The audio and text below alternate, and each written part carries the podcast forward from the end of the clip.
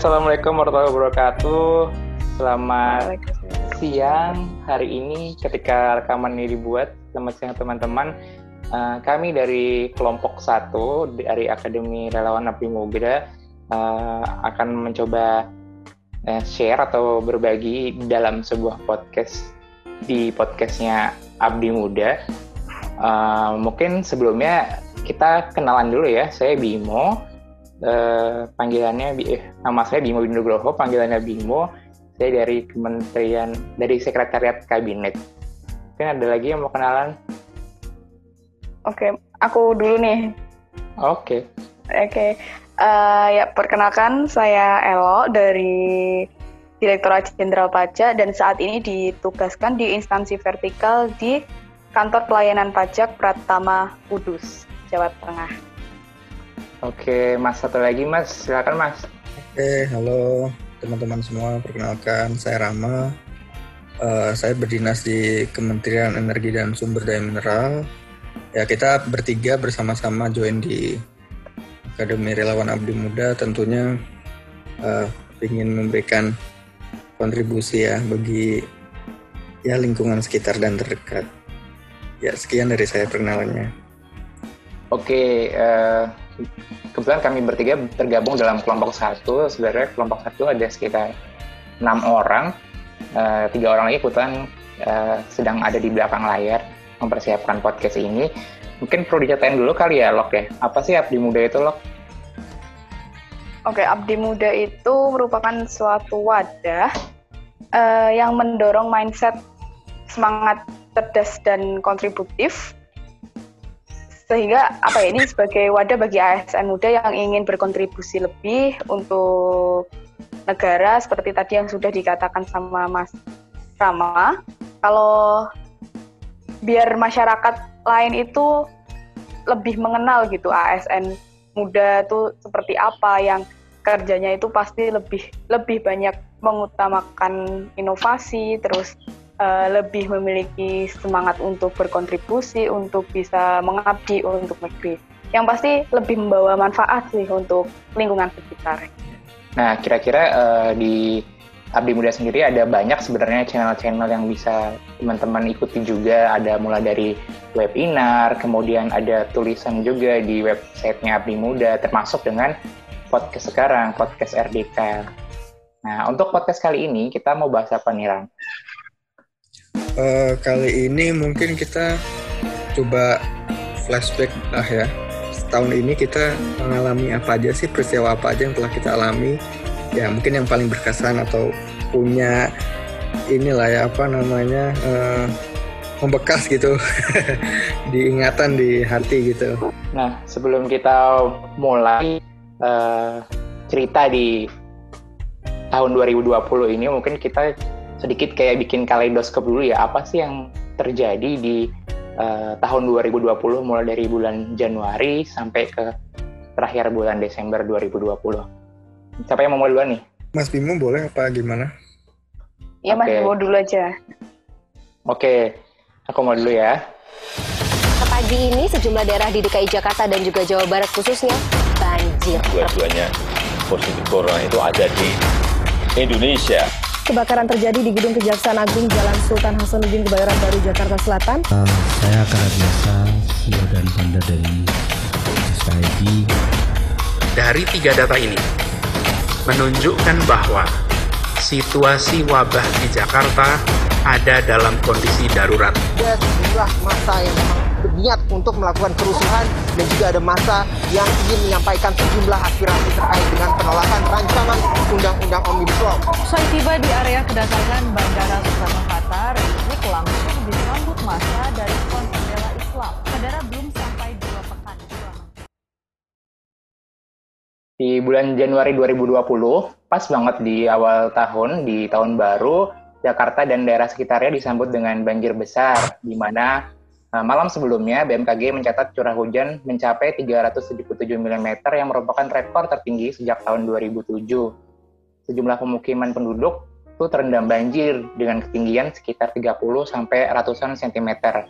Sekitar uh, 724 wilayah mengalami pemadaman listrik, terus ribuan orang mengungsi, dan tercatat korban jiwa kurang lebih sekitar 9 orang. Nah, dari kejadian ini nih pemerintah pusat dan pemerintah daerah tuh punya silang pendapat. Menteri PU Basuki Hadi Mulyono bilang bahwa pihaknya udah menormalisasi 16 km sungai dari 33 km. Nah, sisanya itu dia bilang terhambat oleh pembebasan lahan yang depan oleh Pemda harusnya. Sementara dari Gubernur DKI Anies Baswedan bilang bahwa kalau curah hujan yang tinggi ini nggak bisa ditanggulangi sama normalisasi sungai aja. Dia berpendapat harusnya masalah ini diatasi dengan manajemen aliran air pada hulu yang baik gitu. Jadi cukup mendadak karena waktu itu saya ingat sendiri sih di awal tahun baru kok waktu saya biasanya petasannya berbunyi nyaring ini terendam oleh suara air hujan yang terus menerus itu. Nah pas besok paginya bener kan ternyata wilayah DKI Jakarta udah pada banjir gitu. Kayaknya Mungkin emang kalau awal tahun tuh banyak apa ya kejadian kayak uh, hujan gitu kan yang leb- yang leb- lebih yang lebat gitu loh mas kalau tahun Iya. tiap awal tahun gitu kan. Ah, nah ini yang Curah hujannya spesialnya itu Iya. pas banget di awal tahun banget gitu. Jadi Iya. kemarinnya baru senang-senang. merayakan merayakan tahun baru dengan air ya. iya. Oke, yang bulan Februari aku nih. Hmm, boleh. Mm.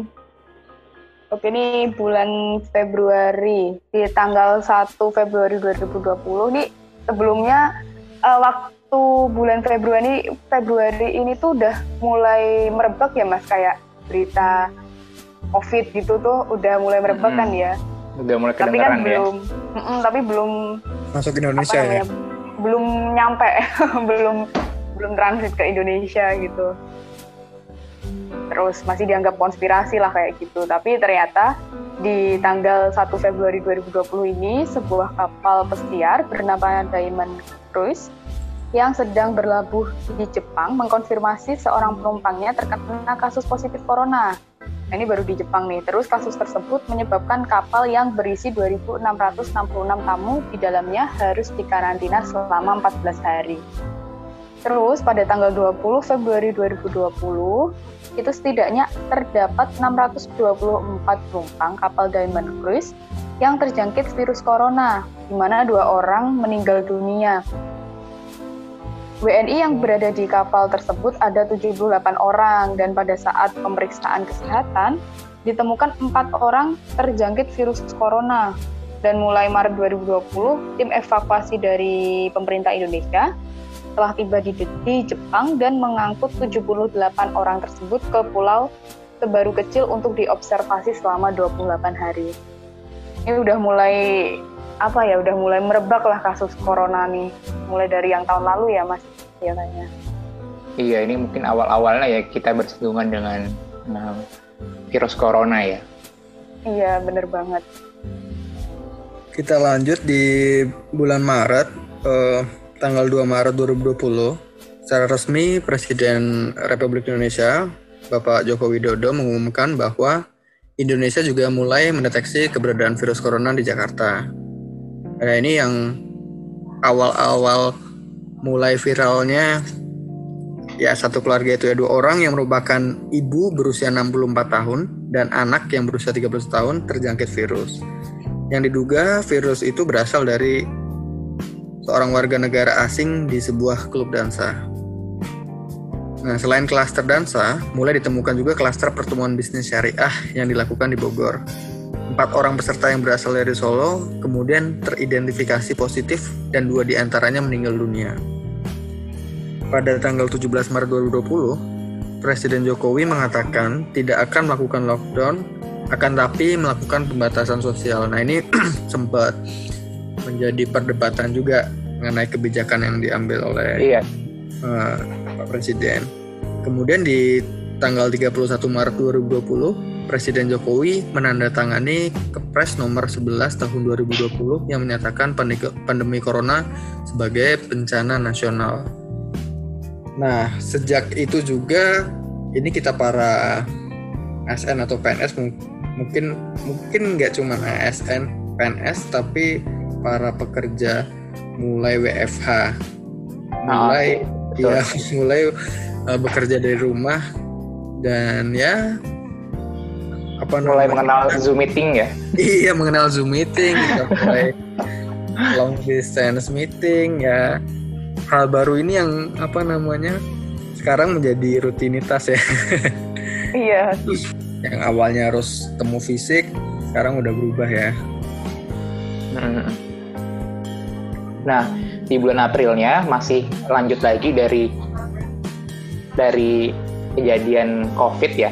Tanggal 6 April 2020, Provinsi DKI Jakarta adalah provinsi pertama kali yang bisa menerapkan pembatasan sosial berskala besar.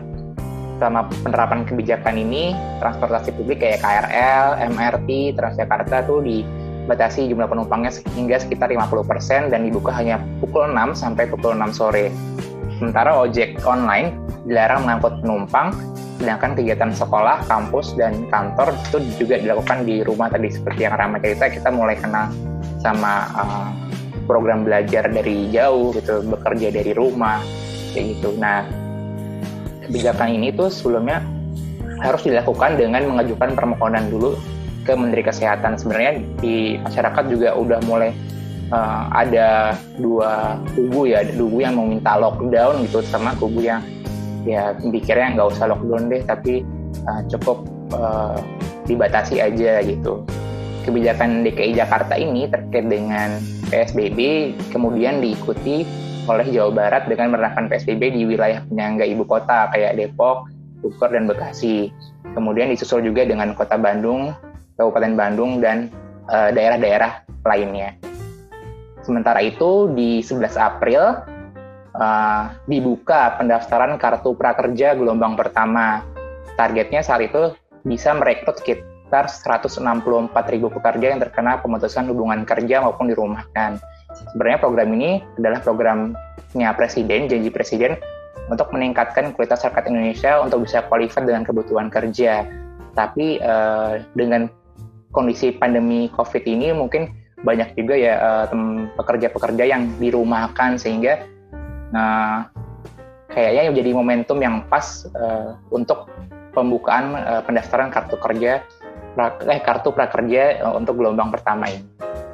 Kalau terkait kartu hmm? prakerja gitu pas awal-awal tuh juga ada pro kontranya juga ya nggak lepas dari itu juga ya. Ini langsung lanjut ke bulan Mei. Di hmm, bulan Mei 2020 ini kita pas pas uh, momen Idul Fitri ya, uh, Ramadan dulu, Ramadan sama Idul Fitri.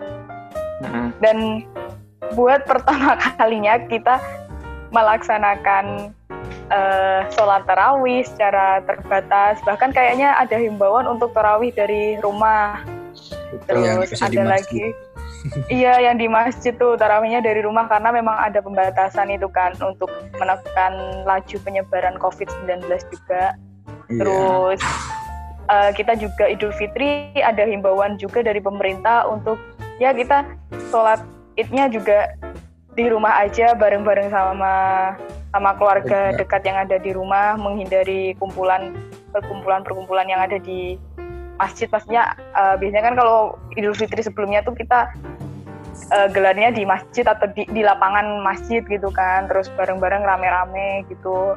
Terus ya kayak gitu. Terus kita silaturahmi juga secara online secara baik by phone atau mungkin kita bisa fit call keluarga dek, uh, keluarga yang jauhan sama kita. Karena kan emang nggak boleh ya kita untuk bertatap muka secara langsung Iya, kemudian di masuk ke bulan Juni itu di tanggal 1 setelah penerapan PSBB pemerintah mencanangkan kebijakan new normal.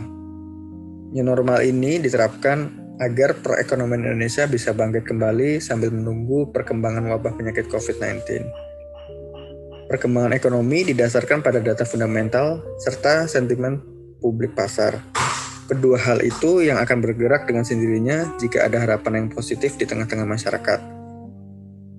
Pelaksanaan new normal pada tahap awal akan digelar di empat provinsi dan 25, 25 kabupaten kota yang memiliki angka reproduction number, yaitu angka penyebaran awal virus dan effective reproduction number, yaitu jumlah kasus baru penularan infeksi di masa sebelumnya sudah di bawah satu.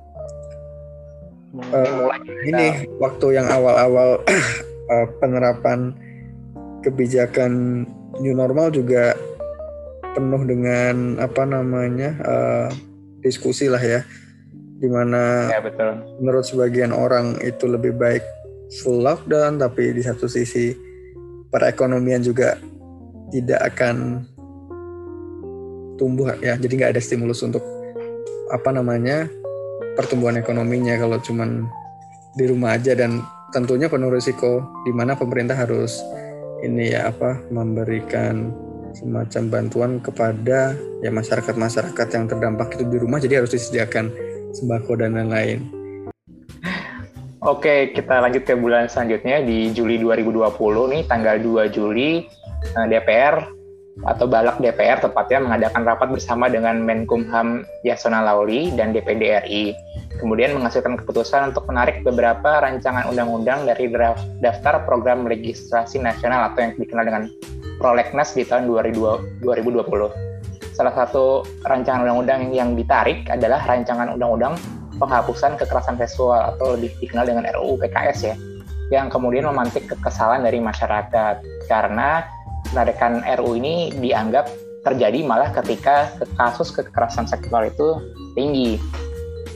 Balik DPR kemudian memberikan penjelasan bahwa proses penarikan RUU PKS ini dilakukan karena pembahasannya sulit dilakukan saat ini. Beberapa kalangan meminta anggota DPR yang tidak dapat melakukan pembahasan untuk mundur karena uh, mereka menilai ada RUU yang lebih sulit kayak RUU Cipta Kerja tapi dia nggak ditarik dari uh, prolegnas itu malah ini RUU yang dianggap urgent untuk disahkan ternyata dianggap ternyata dianggap sulit dan harus ditarik dari prolegnas. Hmm. Oke, di bulan Agustus nih, pada tanggal 1 Agustus masih berkutat lagi dengan si Joko Chandra eh nggak selesai-selesai nih kasusnya. Nih. Iya ya. Masih berlanjut di bulan Agustus ya? Iya masih berlanjut nih kayak 10 salju gitu. Peristiwa berkaitan dengan kasus Joko S. Chandra yang menyeret beberapa aparat pemerintahan. Sejak kasusnya bergulir, beberapa orang terindikasi bekerja sama dengan Joko S. Chandra ada nih yang pertama Lurah Grogol Selatan dinonaktifkan oleh Gubernur DKI karena dia memiliki keterkaitan kayak terkait KTP itu tadi ya pembuatan iktp iya, itu. sepertinya gitu. Terus yang kedua itu Brigjen Polisi Prasetyo Utomo, K Kepala Biro Koordinasi dan Pengawasan PPNS Baris Krim Polri menjadi tersangka penerbitan untuk surat jalan palsu uh, atas nama Joko S. Terus yang ketiga nih ada Irjen Napoleon Bonaparte, Kepala Divisi Hubungan Internasional Polri, yang diduga menerima suap terkait penghapusan red notice untuk Joko S. Chandra. Dan nih ada yang keempat nih yang gak kalah booming nih si Jaksa Cantik Pinangki, Kepala Subbagian Evaluasi 2 Kejaksaan Agung juga terindikasi menerima suap terkait pengurusan fatwa di Mahkamah Agung. Dan pada tanggal 11 Agustus 2020, Jaksa Pinangki ditangkap dan ditahan di Rutan Salemba. Ini kasusnya cukup ini ya viral nih di bulan-bulan Agustus nih si Joko Chandra. Iya. Terus nih kita lanjut lagi di tanggal 22 Agustus ada kebakaran yang terjadi di Kompleks Kejaksaan Agung Republik Indonesia yang ada di wilayah Kebayoran Baru, Jakarta Selatan, DKI Jakarta. Dan sebenarnya itu apa ya sedikit banyak berefek di tempatku sih. Jadi oh, takutnya, gitu. oh, takutnya deketan gitu ya mas berarti ya? Bukan karena lokasi, tapi karena terkait kejadian kebakaran itu, apakah ada korsleting listrik atau gimana? Takutnya, ya itu kan mungkin hal yang apa namanya uh, bisa di apa istilahnya ya takut salah ngomong juga tapi intinya apabila itu berkaitan dengan korsleting listrik itu uh, berpengaruh ke kebijakan yang Kementerian SDM buat. Jadi waktu itu kita sudah siap-siap nih aduh. Nanti kalau hasil investigasinya gara-gara korsleting listrik tentunya perlu dilihat mengenai keselamatan ketenaga listrikan. Cuman ternyata waktu itu kayaknya bukan karena itu jadi kita aman. Oh ya oh, alhamdulillah gitu. kalau gitu. Waduh berarti udah sempat deg-degan juga dong orang iya kita nyiapin kita langsung nyiapin ya kebijakan terkait itu. Oh, eh, terkait keselamatan ketenaga listrikan. Jadi Kementerian SDM sudah mulai menyusun dan memfinalkan atau memfinalisasi kebijakan itu. Cuman ya hasil investigasi sih tidak menyebutkan bukan. itu. Jadi ya kita Bukan.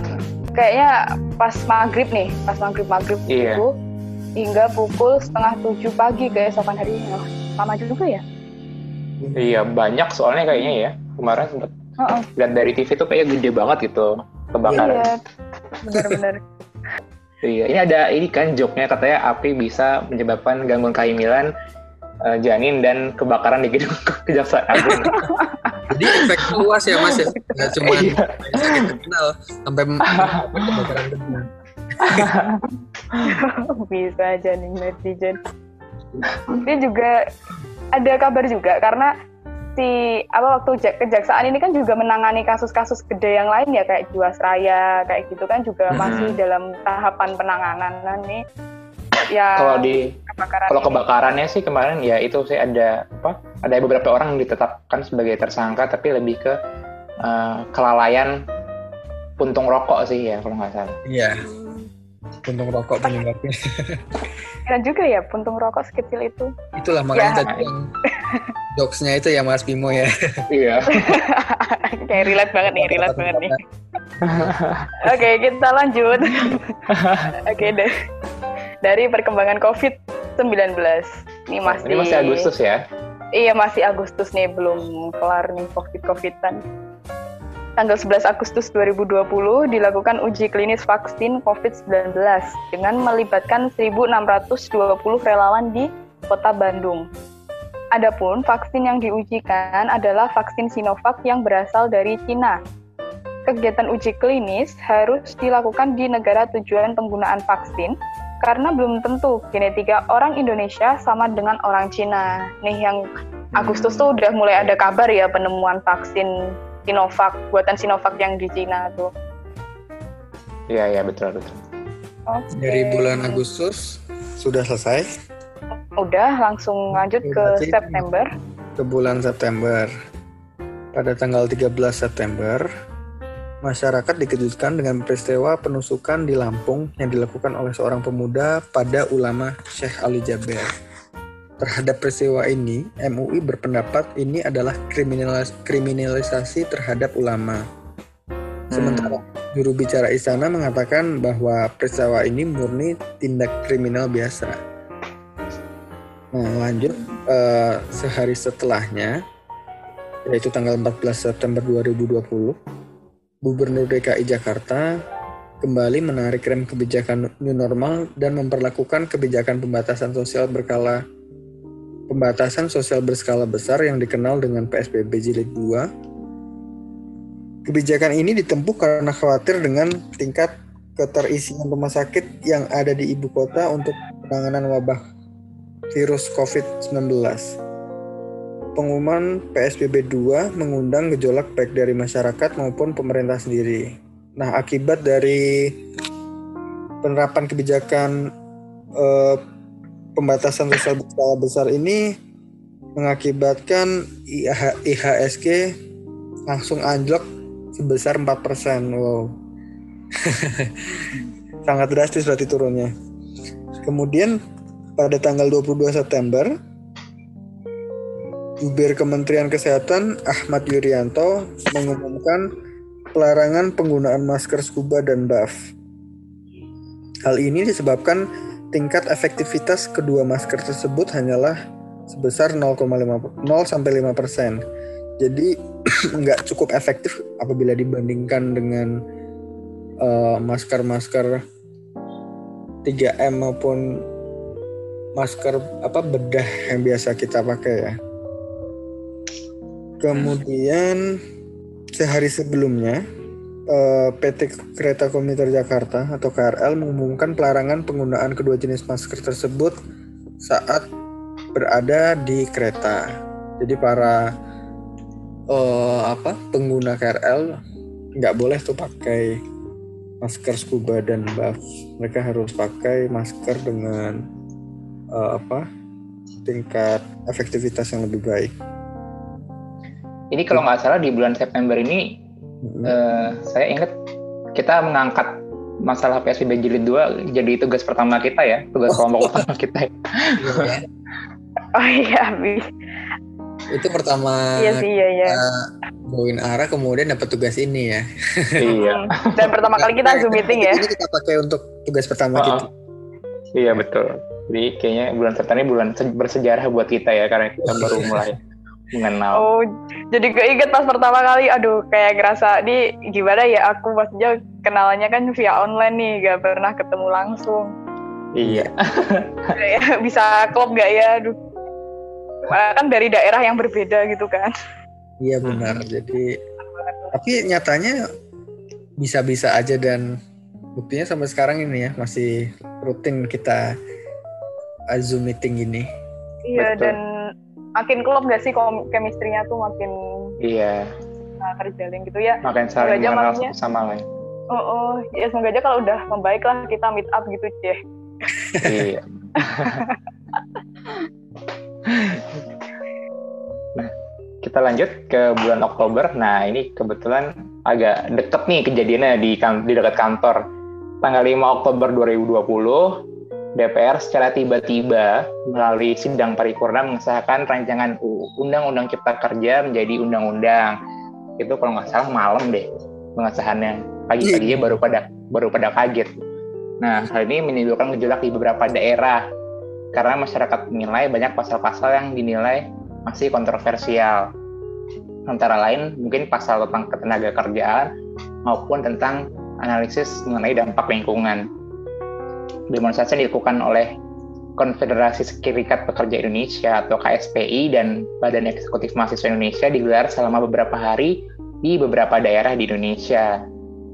Kemudian sempat ada juga ya demo demo apa demonya itu udah selesai tapi kemudian ditunggangi dengan entah oknum-oknum apa sehingga beberapa fasilitas eh, di ibu kota kayak halte busway gitu dirusak menjadi sasaran amukan massa. Versi ini masih berlanjut juga dengan eh, kekeliruan salah ketik dan apa ya salah salah apa salah isi ya yang terdapat di UCK yang sudah diunggah di situsnya Kemensetnek gitu. Nah, untuk saat ini tercatat ada tiga pihak yang mengajukan uji materi terhadap UCK di Mahkamah Konstitusi. Nah, aku juga belum tahu nih eh, statusnya sekarang gimana terhadap tiga pengajuan uji materi itu. Lanjut Di ke bulan bulan November? November ya. Ya. Oke, di bulan November ini, di tanggal 5 November 2020, Badan Pusat Statistik atau BPS mengumumkan angka pertumbuhan ekonomi kuartal ketiga tahun 2020 mengalami kontraksi sebesar 3,49 persen secara tahunan resmi mengukuh, mengukuhkan Indonesia dalam kondisi resesi. Kontraksi ini menyusul realisasi yang sama pada kuartal sebelumnya, di mana ekonomi Indonesia tercatat minus 5,32 persen secara year on year. Akan tetapi, jika dibandingkan dengan negara-negara ASEAN, kontraksi yang terjadi di Indonesia memang terlihat lebih baik. Ini udah mulai berkembang eh, kabar-kabar terkait resesi ekonomi yang dialami sama Indonesia ya, bulan November ini. Iya. kemarin. Terus pada tanggal 10 November 2020, ulama Riz, Habib Rizik Syihab pulang dari Saudi Arabia setelah sempat menghindar dari jeratan hukum yang menimpa dirinya. Kepulangan Habib Rizik Syihab menimbulkan kontroversi panjang, mulai dari kerumunan masa penjemputan di bandara, kerumunan masa di acara Maulid Nabi, acara pernikahan anaknya, dugaan COVID-19 di RS Umi, hingga peristiwa tertembaknya enam pengawal FPI di jalan tol di Kampek. Terus ada Iya. lagi nih, isu pada tanggal 26 November 2020. KPK membuat kejutan dengan menangkap Menteri Kelautan dan Perikanan Edi Prabowo. Edi diduga menerima suap 3,4 miliar dan 100 ribu dolar Amerika Serikat terkait izin ekspor benih lobster. Edi sendiri ditangkap di Bandara Soekarno-Hatta usai menjalani perjalanan dinas ke Honolulu, Amerika Serikat. Totalnya ada tujuh tersangka dalam kasus korupsi benih lobster ini. Oke, di bulan Des kita mulai masuk ke bulan Desember ya, di mana sebenarnya sih bulan Desember belum berakhir ya. Kurang lebih masih ada 10 sampai 11 Dua minggu lagi lah. Ya. Iya. Tapi sudah ada beberapa peristiwa mungkin yang bisa kita lihat uh, pada tanggal 7 Desember 2020. Ini mungkin berita-berita yang cukup menyedihkan ya. Jadi KPK kembali menangkap Menteri Sosial Juliari P. Batubara karena diduga menerima suap terkait pengadaan bansos COVID-19. Hal ini kembali memancing kehebohan karena sebelumnya KPK memberikan pernyataan bahwa pengkorupsi dana bencana bisa dikenakan hukuman mati. Mensos Juliari diduga memungut 10 ribu rupiah per paket bantuan sosial dengan total nilai korupsi sebesar 17 miliar. Waduh. Ini Waduh. berita yang bikin miris ya. Ini dan- mirip Ini eh, di tanggal 8 sehari setelahnya eh, ada berita bahwa sebanyak 1,2 juta paket vaksin Sinovac mungkin yang tadi di bulan apa tuh itu tiba di Di Indonesia. Agustus tadi. Ini Agustus tadi mas. Paket ini kemudian dibawa ke Bio Farma Bandung untuk dilakukan pengujian mutu oleh tim BPOM dan Bio Farma. Bebe- Beberapa hari setelahnya, Presiden Jokowi memberikan pernyataan bahwa vaksin ini akan digratiskan bagi seluruh lapisan masyarakat. Alhamdulillah. Alhamdulillah. Alhamdulillah. Ya, semua- Masih ada harapan lah. Ya betul ya tentunya harapannya ya memang kita bisa terbebas dari corona ya. Jadi kalau Iya bener hanya banget. ke- ditujukan ke salah satu atau beberapa aja bukan berarti menyelesaikan masalah corona itu sendiri ya. Jadi memang sudah Betul. selayaknya ke seluruhnya digratiskan sih. Kasihan juga ya bagi mereka yang tidak mampu atau kurang mampu. Kemudian di tanggal 9 Desember 2020, Indonesia melakukan pemilihan daerah serentak di tengah pandemi COVID-19. Pemilihan ini bertujuan memilih kepala daerah di 9 provinsi, 224 kabupaten, dan 37 kota. Kemarin ada di tempat kalian yang ini yang harus memilih Semarang atau Kudus nggak ada? Kalau di Kudus nggak ada sih, di Madiun juga nggak ada. Jadi ya, Solo ada tapi ya. iya Solo ada, cuma kan bukan KTP Solo. Iya. ya, kurang lebih sih di bulan Desember sampai dengan sekarang itu kejadian atau peristiwa yang ini ya eh, booming gitu. Ya, itu kan kalau dari berita-berita ya tadi Januari sampai ke Desember. Nah, untuk teman-teman sendiri nih untuk Elok sama Rama, kira-kira dari 2020 ini apa yang bikin ya, berkesan gitu di hati nah, teman-teman? Mungkin dari Elok dulu loh. yang paling berkesan, ya yang jelas kita nggak bisa lepas ya dari COVID-19 tuh kayak rasanya tuh cepet banget gitu. Dari Januari, Februari, terus tahu-tahu udah Desember. terus Iya ya. kita juga oh, oh, iya kata yang ngerasain kan mungkin semua orang juga kok cepet banget gitu perasaan kemarin tuh habis ngapain aja sih kayak gitu Tidur kali ya. tidur terus ya itu ke- eh, pertama kali kenal WFH work from home kayak gitu terus eh, apa ya semuanya serba online pelayanan serba online terus harus sabar apalagi kalau terkait pelayanan ke wajib pajak ke masyarakat gitu karena sistemnya baru peraturannya banyak Nah. yang diperbarui juga jadi kita juga harus lebih ekstra effort buat Menyesuaikan. men- iya menyesuaikan dan mensosialisasikan serta membuat masyarakat itu bisa lebih menyesuaikan diri bisa beradaptasi dengan cepat gitu kan kalau orang disuruh beradaptasi cepat tuh kayaknya susah gitu kan Nah, iya betul. Ya, dari kitanya ini harus ekstra sabar buat memandu, buat ya ngasih arahan ke masyarakat biar bagaimana kewajibannya, hak-haknya bisa terpenuhi kayak gitu sih. Iya. Jadi berdampak ke instansi sendiri maupun ke ini ya apa wajib pajak ya Iya ke instansi dan ke masyarakat kayak gitu. masyarakat. Iya. PR-nya dua itu. PR-nya dua bener bener banget. Itu sih yang Kalau paling Rama sendiri apa Ram? Kalau aku sih mungkin kalau yang disampaikan Elok tadi nggak berasa. Kalau aku di awal-awal terjadinya corona terus WFH itu berasa banget itu lama banget. Nah tapi kemudian seiring dengan penyesuaian atau adaptasi ya berasa udah normal. Kalau kalau saya rasa dalam tanda kutip udah mulai normal lagi dalam artian kerja eh, apa namanya yang ya kad- kadang itu WFH tapi juga masuk kantor kemudian bisa menyesuaikan dengan tadi pola kerja dari rumah.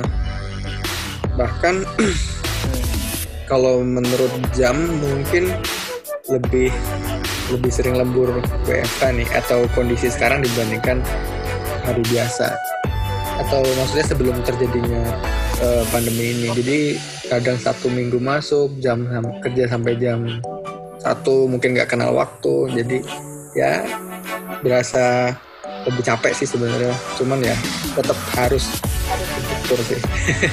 Terus kemudian iya karena kan mungkin banyak juga yang terdampak seperti di rumahkan gitu ya. Itu mereka pasti lebih Iya betul. lebih berat lagi kondisinya Iya. itu dari sisi kayak Eva terus banyak belajar juga sih eh, di kondisi sekarang ini jadi yang awalnya mungkin itu kalau mau belajar harus ikut kelas tatap muka secara langsung sekarang bisa atau mungkin banyak gitu yang menawarkan bukan banyak mungkin hampir semuanya menawarkan pembelajaran Kelas online gitu. online. Jadi banyak dapat ilmu baru, pengetahuan baru. Termasuk nih join sama Ara itu kan hal baru bagi saya dan ya mungkin nggak bakal terlaksana kalau nggak ada sistem seperti ini. Iya benar banget sih. Iya. Ya kurang lebih Iya. aku rasain. Mungkin Mas Bimo gimana tuh?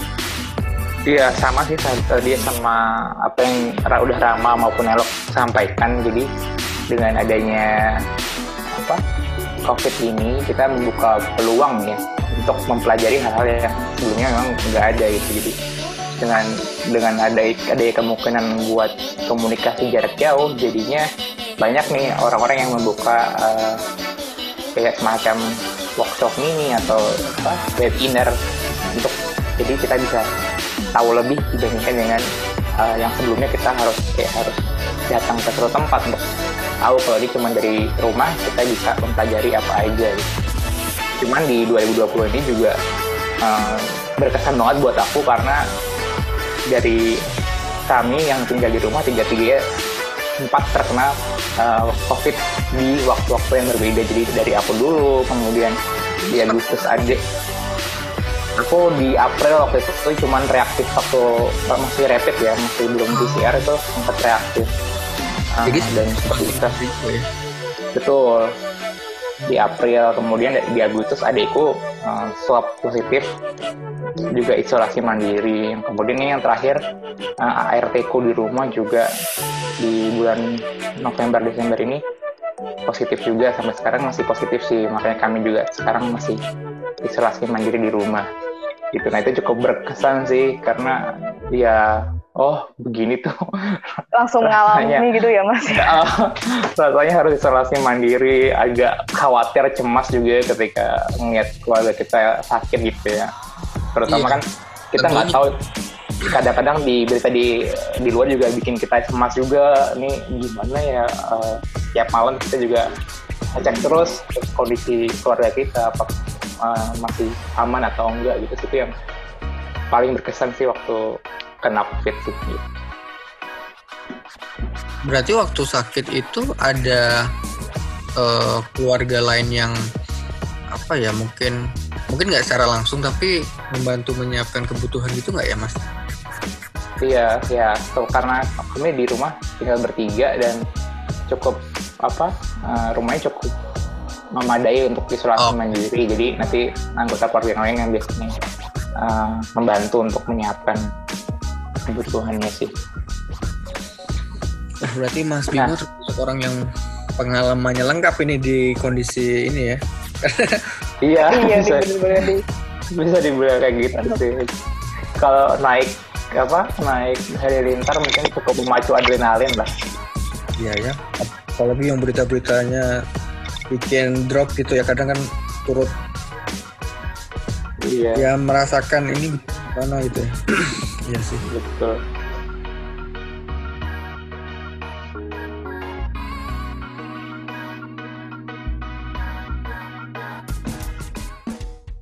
Nah, itu kan tadi di tahun 2020 ya. Untuk Iya. di 2021 nih kita akan menjelang uh, saat lagi ya.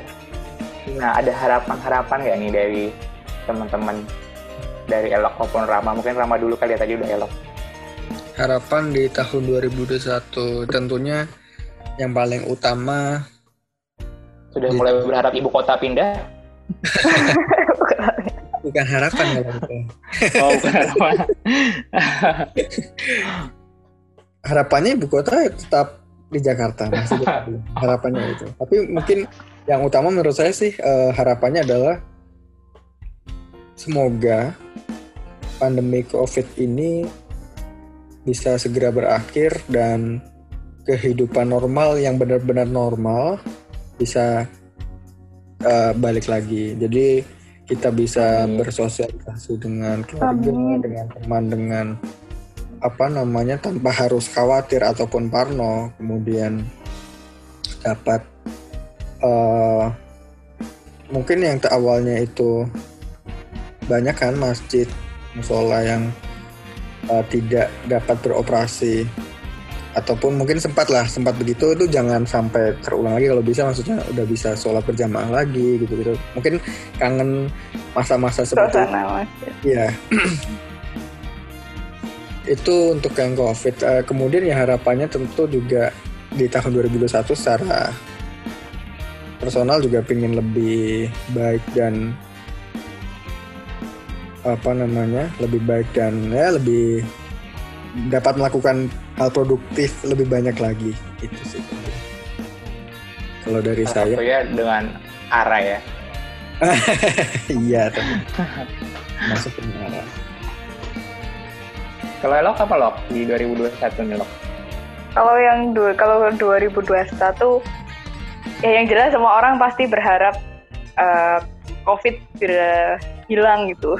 sama ya Eh, pasti ya. eh, semua yang jelas sih ya semoga keadaan ini bisa lebih baik lagi. Ini berhubung ada berita vaksin yang udah ditemukan, ya semoga bisa dipercepat ya. eh, mempercepat mempercepat pemulihan kondisi kesehatan di masyarakat, terus angka penyebaran COVID bisa menurun, bisa maksudnya nggak se naiknya nggak sedrastis yang akhir-akhir ini kan bisa sampai ribuan gitu kan naiknya tuh per hari Iya. jumlah kasus per hari itu. orang udah mulai capek juga kali ya. Ya udah mulai capek terus semoga orang-orang juga lebih dengan adanya covid ini tuh sebenarnya kita bisa mengambil hikmah ya kita bisa lebih menjaga kesehatan, eh, kebersihan, terus higienis. Itu ternyata perlu dan sangat penting. Nggak boleh disepelein kayak gitu. Terus semoga ya intinya semoga keadaan tuh bisa lebih baik lagi gitu Amin. dan kalau selain COVID, em, mungkin kalau dari pribadi sih, semoga bisa lebih meningkatkan kualitas diri sih.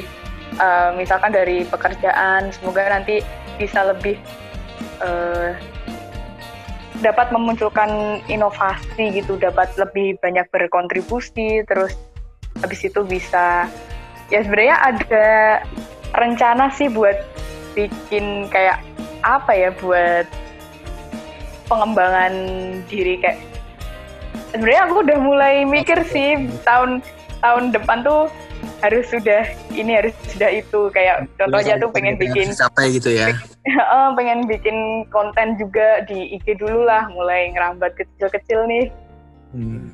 kayak gitu bagus itu kebetulan kebetulan kan hobi masak nih terus apalagi kan ngekos jadi Oh, mungkin Iya. Eh, eh, jadi mungkin nanti bisa bikin konten lah terkait kayak masak-masak di kos kayak gimana aja. Kami Kayak siap gitu. jadi testernya Lok. Oh iya, ke Kudus ya. garang asem garang asem kudus Elok tau nggak Kayak Gagas. asam Kudus. gagasan Adanya sate, eh, Oh iya, gasasa, gasasa. Oh, gak? Saya lupa. Garang asem. Itu Eh enak kita ini nggak disponsorin sama gasasa ya? banget. Enggak, enggak kok. Ini sendiri. Ini nanti di dieditin gitu ya mas, jadi kasih sensor gitu mas. Sensor tuh, karena kita nggak disponsor oleh mereka. Iya, nggak disponsori. Ya itu sih lebih kalau ke pribadi sih lebih bisa meningkatkan kualitas kinerja, kualitas potensi diri kayak gitu. Amin doanya. Kalian biasanya kalau kalau akhir-akhir tahun ini kayak bikin resolusi gitu nggak sih? Oh ya itu pasti sih mas. kalau aku sih pasti sih. Oh kamu pasti ya?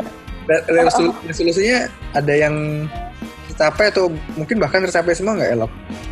Tahun 2020. Resolusi kalau yang 2019 ya mungkin ada yang belum tercapai ya kayak gitu sih. Mungkin beberapa ada yang ya kebanyakan udah tercapai cuma ya ada beberapa yang perlu dikoreksi lagi yang harus di apa ya di kita benahin lah gitu di tahun depan. Kalau nggak tahun ini ya tahun depan lagi gitu. Hmm. Rama bikin resolusi. Kalau aku sih nggak punya resolusi yang muluk-muluk sih, apa bikin resolusi cuman yang standar aja dan berhubung di tahun 2020 ini kondisi ini jadi ada beberapa kegiatan yang memang nggak bisa dilaksanakan aku sampai dengan bulan Maret itu melaksanakan untuk mencapai target itu cuman terputus sampai dengan sekarang gitu Iya. Ya mungkin itu uh, ini ya apa yang tadi di. buat resolusi Ya, juga Kalau aku kebetulan kemarin enggak sih. hmm. Kalau itu nggak tahu kenapa ya mungkin karena sebelumnya banyak resolusi yang nggak jalan. Sebagai tulisan aja ya iya, hanya sebagai tulisan aja. Jadi jadi apa ya udah langsung langsung ke ini langsung ke konkret pelaksanaan nih kayaknya Mas Bimo nih Iya, walaupun akhirnya nggak ada sih yang terlaksana karena ya COVID gitu ya. Jadi gimana Oke. kalau Mas Bimo pengalamannya atau mungkin ininya apa tadi Tahun Oh. depan nih pengen gimana? ya pengen gimana karena aku sebagai Iya, penutup betul. mungkin sama ya. ya Jadi ya sebenarnya sama kalau dari sisi COVID-nya eh, semoga udah udah hilang sih dengan dengan vaksin ini eh, penyakit COVID-nya mungkin udah mereda ya, nggak terlalu karena kalau hilang kayaknya nggak mungkin kan iya secara virus. Nah Iya, cuman ya mungkin sudah mereda gitu sehingga kita bisa melaksanakan aktivitas-aktivitas kita yang sebelumnya terbatas kayak eh, ketemu secara fisik gitu. Yang paling saya eh, sebenarnya saya hobinya nonton jadi sempat Hmm, kehilangan juga nih. Iya. Apa, cum- cuman kalau Yang ke bioskop sekarang- sekarang kan belum belum berani ya. Iya. Yang ada bioskop sekarang dibuat meeting Mas. Oh gitu ya. ada tuh ada tuh. Apa namanya bannernya atau infografisnya bahwa mereka menyewakan fasilitas bioskop atau ruang bioskop untuk seminar ataupun meeting. Oh gitu. Oh udah dialih fungsiin gitu? Enggak udah dialih fungsikan. Hmm, itu saking terdampaknya tuh bioskop iya, nah Iya. itu. Soalnya Itu yang orang berkumpul di waktu lama kan. iya betul di dalam ruangan juga. Itu sih yang paling saya rasain hilang gitu. Gak bisa tergantikan sama nonton streaming juga sih kan. iya beda ya mas ya Betul. Terus ya harapannya kita juga bisa ketemu nih kan kita selama ini eh, ya, apa, Zoom elok Rama gitu. Adit dan lain-lainnya kan ketemu cuma di Zoom aja gitu ya. betul betul Harapannya nanti obdar nih kayaknya nih betul. Setelah ini kita mungkin bisa ketemu terus kita bisa merancang uh, kegiatan apa lagi yang positif untuk uh, kita berkontribusi selaku ASN gitu. mantap kalau gitu perlu diagendakan rapat di Iya. Jakarta yang paling mungkin mengundang mengundang dan lain-lain Siap. Kita selalu bersedia sih tinggal di rencanain waktunya aja sebenarnya. iya betul Oke, mungkin uh, kita cukupkan dulu ya sampai di sini ya Ramlok.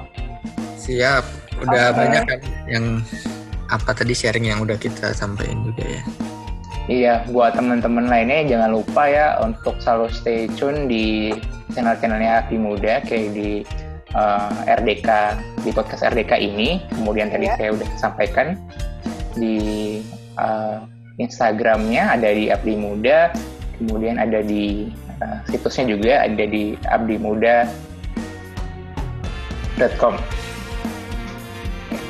Siap. Untuk di podcast di ruang diskusi kita ya. Nanti bisa di search gitu. Oh iya, betul sekali. Baik, mungkin dari saya Bimo undur diri. Elok sama Rama mau masih salam? Ya, dari saya juga eh, mengucapkan undur diri. Terima kasih sudah mendengarkan. Silahkan Mbak Elok.